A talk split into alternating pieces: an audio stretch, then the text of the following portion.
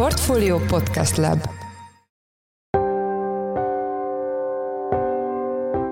Mindenkit üdvözlünk, ez a Portfolio Checklist január 23-án hétfőn. A mai műsor első részében arról lesz szó, hogy vajon miért vanakodik Németország attól, hogy német tankokat küldjön a nyugat Ukrajnának nyugati harckocsik azok nem képviselnek olyan mértékű támogatást, mint sok más fegyverrendszer, például szerintem a HIMARS rakétarendszerek körül, vagy az M270-es rakétarendszerek, azok sokkal komolyabb tűzerő technológiai színvonalat és potenciális eszkalációs kockázatot jelentettek, mint most a tankok, és mégis nagyon érdekes, hogy ettől függetlenül a tankok körül megy ez a hatalmas nagy politikai botrány Európában, holott ezek sokkal kevésbé szignifikáns eszközök, mint a modern nagy hatótávolságú rakéta sorozatvetőrendszerek. A témával kapcsolatban Huszák Dániel, a Portfolio Globál rovatának vezető elemzője volt a vendégünk. Az adás második részében a Fitch Ratings pénteki döntéséről lesz szó, melynek keretében lerontották a magyar adóság besorolás kilátásait semlegesről negatívra. Erről Beke Károlyt, a Portfolio makroelemzőjét kérdeztük. Én Forrás Dávid vagyok, a Portfolio Podcast Lab szerkesztője, ez pedig a checklist január 23-án.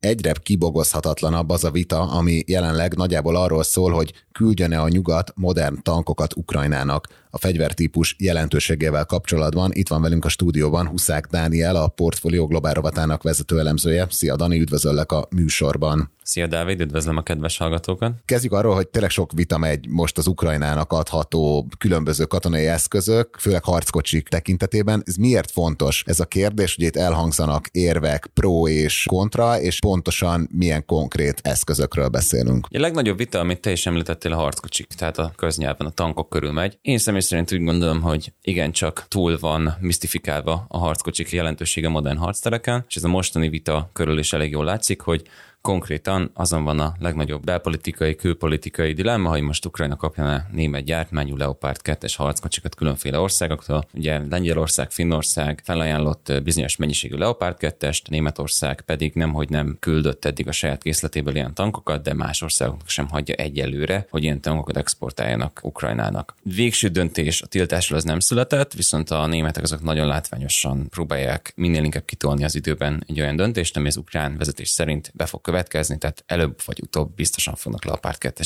kapni. Magának ennek a dolognak azért van szignifikánciája, mert teljesen egyértelmű, hogy az ukránok arra készülnek, hogy tavasszal megindítsanak egy nagyobb offenzívát, aminek az a célja, hogy visszavegyék a Dombaszt és visszavegyék a Krímet is, illetve Zaporizse megyét, illetve Herson térségét is, ahol még orosz csapatok tartózkodnak, és ebben az offenzívában kellene, hogy legyen bizonyos mennyiségű tankjuk. Ezzel én egyetértek, hogy ilyen szempontból valóban fontos a, a harckocsi, az, hogy rendesen támadó műveleteket ilyen eszközökkel meg kell támogatni, viszont önmagában az, hogy valaki tankokat kap, az nem elég ahhoz, hogy tartósan meg tudjon szerezni és meg tudjon tartani területeket a harctéren. Egy modern harckocsinak annak érdekében, hogy hatékonyan tudjon a harctéren eredményeket elérni, egyrészt összfegyvernemi támogatásra van szüksége, tehát szüksége van arra, hogy a légierő, a gyalogság, a gyalogságok támogató páncélozott eszközök, a tüzérség támogassa a manővereikt, másrészt pedig szükség van arra is, hogy meglegyen a megfelelő karbantartási, logisztikai és képzettségi háttere a harckocsik üzemeltetésének.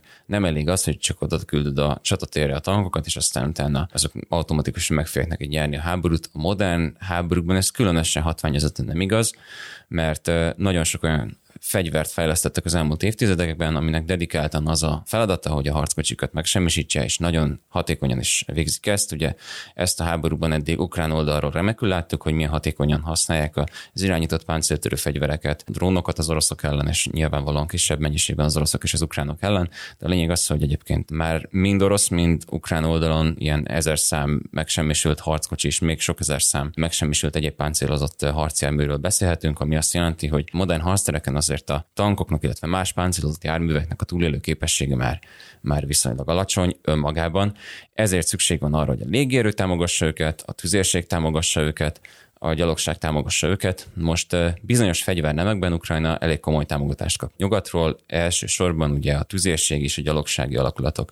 A most múlt heti Rámsteini NATO csúcson bejelentett eszközök elsősorban tüzérségi, illetve gyalogságot támogató eszközök, a gyalogsági harcjárműveket, illetve páncélozott szállító harcjárműveket tartalmaz, viszont Nagy-Britannia által felajánlott 14 Challenger 2-es harckocsin kívül nem kaptak egyelőre még más tankokat, és ami a legnagyobb probléma ukrán szempontból az, hogy a légierőnek a képességfejlesztését lényegében semmilyen konkrét eszközzel nem támogatták meg, és nem is néz ki úgy, hogy ez változni fog. Elképzelhető, hogy egy-két ország küldeni fog még régi szovjet helikoptereket, repülőgépeket. Kaptak most három darab Seeking szállító helikoptert az ukrán haditengerészetnél, de egyébként meg sem modern nyugati harci helikoptereket, sem modern nyugati harci repülőgépeket nem kapnak az ukránok, és egyik ország sem mutatkozik egyértelműen hajlandónak arra, hogy ezeket az eszközöket Ukrajnába küldje.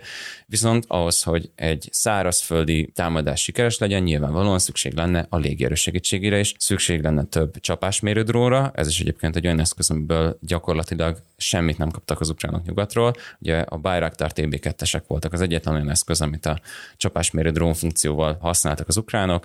Nyilvánvalóan kaptak kisebb számban kamikáze drónokat, ezen belül is Switchblade drónokról van szó, ami, amiről azt kell tudni, hogy, hogy a gyalogságnak a harctéri tevékenységét hivatott megtámogatni, és nem feltétlenül alkalmas arra, hogy mondjuk egy nagyobb offenzívát támogassunk ilyen Switchblade drónokkal, mert mind a romboló erejük, mind pedig a hatótávolságuk az, az viszonylag alacsony. De visszatérve a harckocsikra, azt tudom mondani, hogy önmagában a harckocsik az, az nem elég ahhoz, hogy megnyerjenek egy háborút, sőt a modern harctereken még egy csatát se, számos más olyan fegyver kellene az ukránoknak, ami, amit, amit jelenleg nem kapnak meg ahhoz, hogy biztosan el tudják mondani, hogy ez a tavaszi offenzíva sikerrel tud járni. Nyilván azt láttuk azért, hogy a, azokat az eszközöket, amelyeket megkapnak, azért hatékonyan tudják használni. Ugye, amikor Harkiv térségében, Herson térségében rajtottak szeptemberben az oroszokon, akkor elég nagy területet vissza tudtak foglalni azokkal a többnyire hidegháborús, illetve szovjet eredetű eszközökkel is, amelyeket akkor használtak.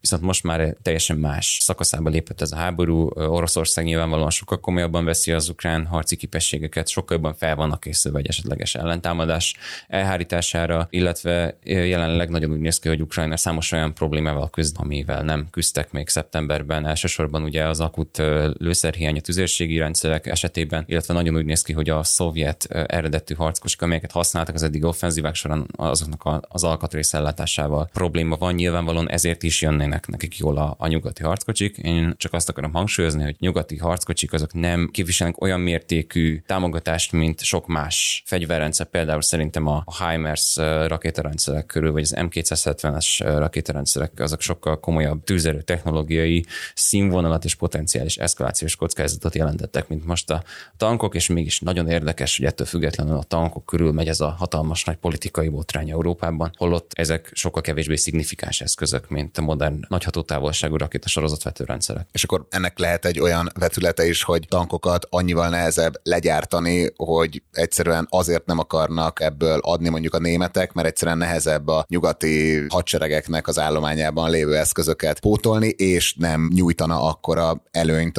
az ukránoknak? Nagyon jó kérdés, van egy ilyen olvasata is a dolognak. Ugye, ahogy te is hangsúlyoztad, arról van szó azért, hogy ezek a tankok, ezek a harckocsik, ezek ugye a frontvonalon kerülnek alkalmazásra, a tüzérségi eszközök meg nyilvánvalóan 20, 30, 40, 50, 60 km a frontvonal mögött, tehát sokkal alacsonyabb az esély annak, hogy egy tüzérségi eszközt kilő az ellenség, mint egy tankot, mivel az közvetlenül az ellenséggel fog megütközni. Ugyanakkor azt nem lehet tudni, hogy ez az oka annak, hogy a nyugati országok nem hajlandók ezeket a tankokat oda küldeni. Nagyon sok spekuláció van, nyilvánvalóan az egyik magyarázat az, amit én is említettem, hogy ez az eszkalációs kockázat, az úgy benne van, de ugyanakkor én, én nem értem, hogy, hogy miért jelentene egy tankcsomag nagyobb eszkalációt, mint egy, egy HIMARS rendszer. Ott van az is, hogy, hogy ugye a németek azok próbálnak valamilyen szinten balanszírozni a keleti gazdasági kapcsolataik és a nyugat között, ezért nem vállalnak ilyen vezető szerepet ezekben a fegyverszállításokban, mint mondjuk Nagy-Britannia vagy az Egyesült Államok. Nyilvánvalóan van egy olyan magyarázata is, hogy igazából az egész vonakodás belpolitikának szól, és hogy igazából ugye Olaf Scholz, német kancellár, ő a szociáldemokrata pártnak az embere, és friss pollok szerint a szociáldemokrata párt szavazóinak egy elég jelentős része nem támogatja a Ukrajna nehéz fegyverekkel való felszerelését, és igazából ez az egész nekik szól.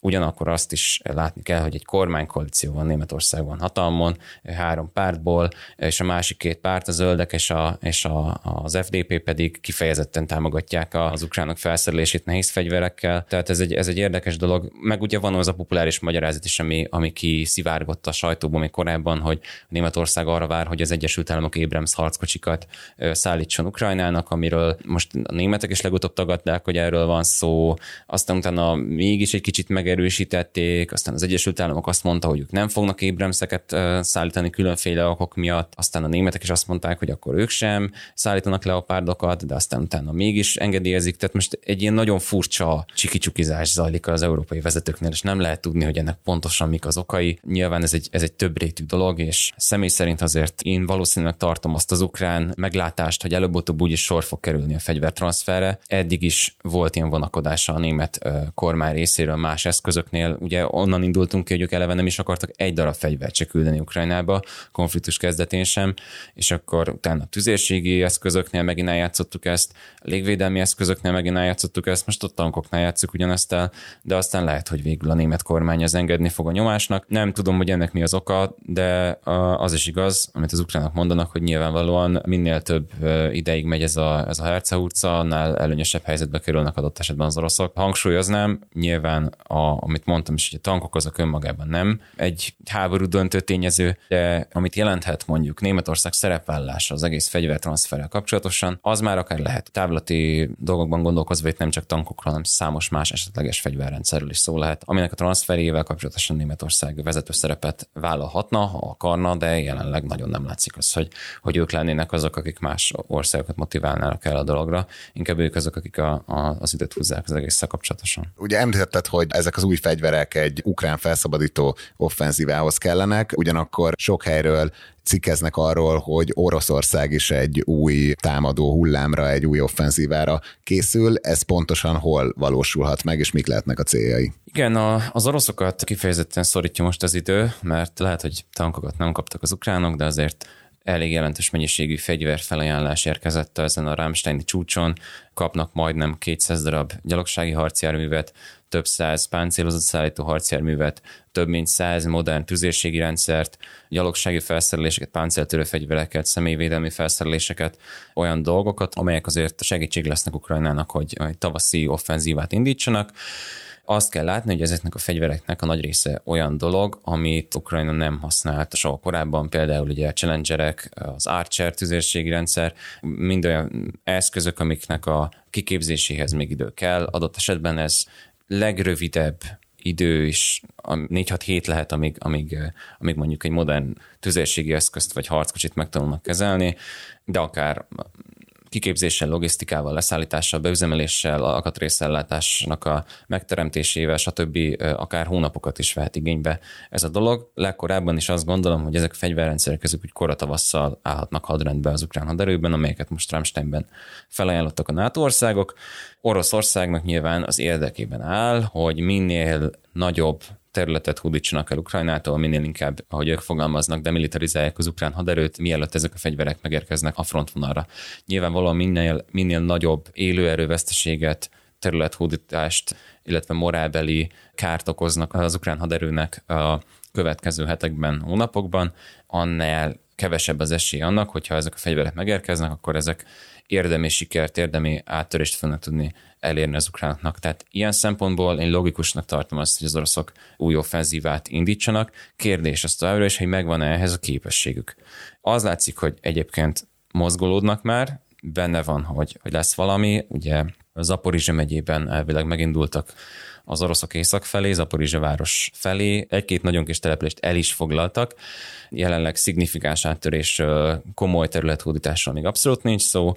Az is látszik, hogy Bakhmutban is kezdenek az ukránok egyre inkább szorítóba kerülni, ugye mióta Szoledár elesett azóta ugye északról kerül a Wagner csoport, délen Klissívkát foglalták el. Bakhmut mellett, ez azt jelenti, hogy lényegében a városnak az utánpótlási útvonalait most már mindkét irányból, északról és délről is tűz tudják venni az oroszok, ez elég nehéz helyzetet teremt a Bakhmuti védőknek, viszont ugye város elestéről még azért nagyon-nagyon korai beszélni, azért is, mert hogyha minden így marad, és továbbra is tud a Wagner csoport, illetve az őket támogató orosz reguláris erők a térségben előre nyomulni, akkor meg benne van a pakliban, hogy Bakhmut hamarosan el fog esni. Ugyanakkor az ukránok többször is demonstrálták már korábban, hogy képesek hatékonyan ellentámadásokat lebonyolítani, tehát nem kizárt az, hogy akár Szlovjansk felől, akár délnyugati irányból egy ellentámadást kezdenek a, az oroszok ellen. Ismét kérdés, hogy megvan-e erre a képességük. Nem tudjuk pontosan, hogy milyen tartalékai vannak sem az orosz, sem az ukrán haderőnek. Nyilvánvalóan papírforma szerint az oroszoknak lényegesen nagyobb tartalékaik vannak, viszont ebben a háborúban úgy gondolom, hogy nagyon sok minden nem papírforma szerint zajlott, úgyhogy csak azt tudom mondani, hogy érdemes lesz figyelni az aktualitásokat Bakhmut térségében, Zaporizsia megyében, illetve hát ugye nagy kérdés, hogy északról megindulnak-e megint az oroszok Kiev felé. Elvileg az orosz légérő, az orosz deszantosok a fehér oroszokkal együtt most egy hatalmas nagy hadgyakorlatot jelentettek be Ukrajnától északra. Ugye emlékszünk biztos arra, hogy a, a tavaly február 24-i offenzív alatt is egy hasonló idézőjeles hadgyakorlat volt az, ami megágyazott a támadásnak.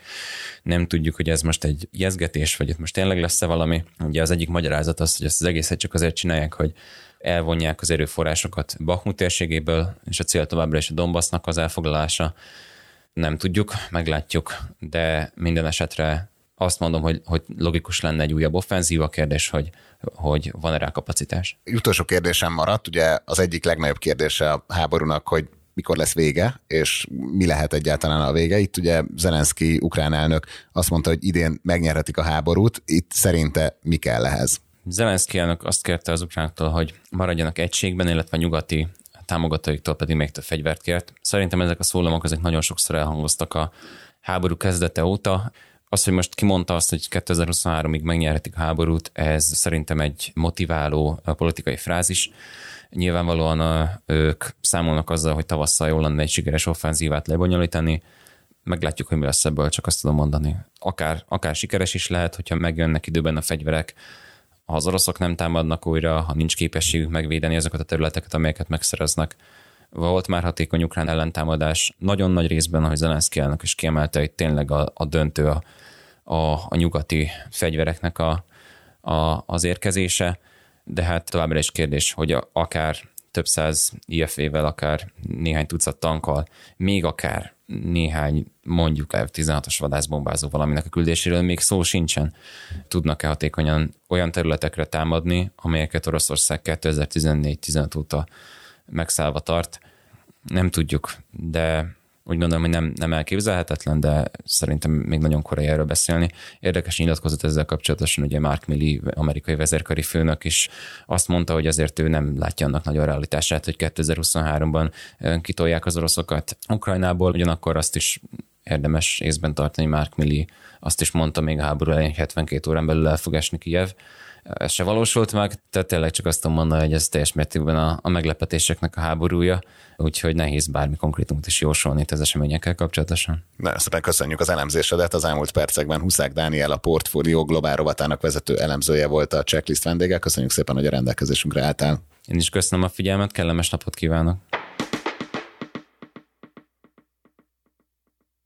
Péntek este lerontotta a magyar adósság kockázat besorolásának kilátásait semlegesről negatívra a Fitch Ratings. A döntés hátterével és a forintpiaci reakciókkal kapcsolatban itt van velünk Beke Károly, a portfólió makrogazdasági elemzője. Szia Karcsi, üdvözöllek a checklistben. Sziasztok! Kezdjük azzal, hogy mire hivatkozva kaptuk meg a, a negatív kilátást. Alapvetően, ha nem is azt mondom, hogy várható volt, de nem volt igazán nagy meglepetés az, hogy semlegesről negatívra módosították a magyar adós besorolás kilátását, hiszen tavaly ősz ősszel már többször figyelmeztettek a hitelminősítők arra, hogy komoly kockázatok vannak a magyar gazdaságban, jelentősen lassul a gazdasági növekedés, az uniós forrásokhoz való hozzáférés továbbra is bizonytalan, ugyan egy elvi megállapodás született az uniós forrásokról, de továbbra sem tudni azt, hogy gyakorlatban mikor jutunk hozzá ezekhez a forrásokhoz, és nagyjából ezeket emelték ki a mostani elemzésben is, tehát szerintük a magyar gazdaság növekedése 0,4%-ra lassulni fog idén, miközben az infláció az év első felében még továbbra is magas maradhat Európában az egyik legmagasabb, vagy a legmagasabb. Külön foglalkoztak azzal, hogy a magyar gazdaságpolitikát gyakran áthatják politikai döntések, tehát ha a gazdaságpolitikát két felé szedjük gazdaságra és politikára, akkor talán probléma az, hogy inkább a politika dominál sem, mint a gazdaság, illetve megismételték azt az álláspontjukat, hogy az uniós forrásokkal kapcsolatos kérdés azért fog még itt meleg pillanatokat hozni Magyarországnak. Szerintük nem lesz olyan egyszerű ez ezeknek a forrásoknak a lehívása. Jó, amit ugye fontos hangsúlyozni, hogy továbbra is két szinttel a befektetési kategória fölött van a magyar adósságbesorolás, és aki erről az egész rendszerről többet szeretne hallani, az hallgassa meg a pénteki checklistet, mert ugye abban is a vendégünk voltál, és ott erről részletesen beszéltünk. Ugye itt azt is mondtad, hogy ha egy adósság minősítő rontja egy országnak a kilátásait, akkor ott az alappája az azt jelenti, hogy egy-két éven belül jöhet a leminősítés. Szerinted minek kéne történnie ahhoz, vagy Magyarországon, vagy a nemzetközi környezetben, hogy lekerüljünk erről a pályáról, tehát hogy tudnánk elkerülni még a, a leminősítést? Ugye valóban egy negatív kilátás az általában azt szokta jelenteni, hogy két éven belül negatív irányú döntésre számít a hitelminősítő, tehát leminősítésre. Hogy ezt hogy tudnánk elkerülni? Hát úgy, hogyha az előbb említett kockázatokat sikerülne kiküszöbölni, tehát javulna a magyar gazdaságpolitika minősége, javulna a hitelessége, sikerülne hozzáférnünk az uniós forrásokhoz, esetleg a gazdaság növekedése a vártnál jobban alakulna, az inflációt sikerülne leszorítani, fegyelmezett maradna a költségetési politika, tehát mindezek a pozitív tényezők, tehát ha a pozitív szenárió vagy a pozitív forgatókönyv valósulna meg, akkor lenne mód arra, hogy elkerüljük ezt a leminősítést, és esetleg visszakerüljünk még menet közben stabil kilátásra, meglátjuk. És az utolsó kérdésem, hogy most ugye hétfőn fél egy körül veszük fel ezt az adást, hogy reagált a kilátás rontásra a forintpiac? Ugye korábban beszéltünk arról, hogy valószínűleg jelentős piaci hatása nem lesz egy ilyen lépésnek. Egyrészt a kilátás rontása azért még nem számít leminősítésnek, másrészt azért ezt már beáraszták korábban a piacok, tehát ahogy említettem, nem volt ez akkora meglepetés. Ennek megfelelően a forint egyelőre mérsékelt gyengüléssel, tehát fél százalék körül gyengülést mutatott a nap első felében, megtorpanta a pénteken látott erősödés, inkább így fogalmazhatunk. Én azt gondolom, hogy a következő napokban sem kell itt ilyen összeomlásszerű piaci reakciókra számítani. A piaci reakciók szempontjából sokkal izgalmasabb lehet majd a most pénteki Standard Poor's minősítés. Hiszen ott? Hiszen ott ugye negatív a kilátásunk már tavaly augusztus óta, tehát ott mondjuk reális forgatókönyv lehet akár egy leminősítés is. Na, ezt már köszönjük az elemzésedet. Az elmúlt percekben Beke Károly a portfólió makroelemzője volt a checklist vendége. Karcsi, köszönjük, hogy a rendelkezésünkre álltál. Köszönöm szépen.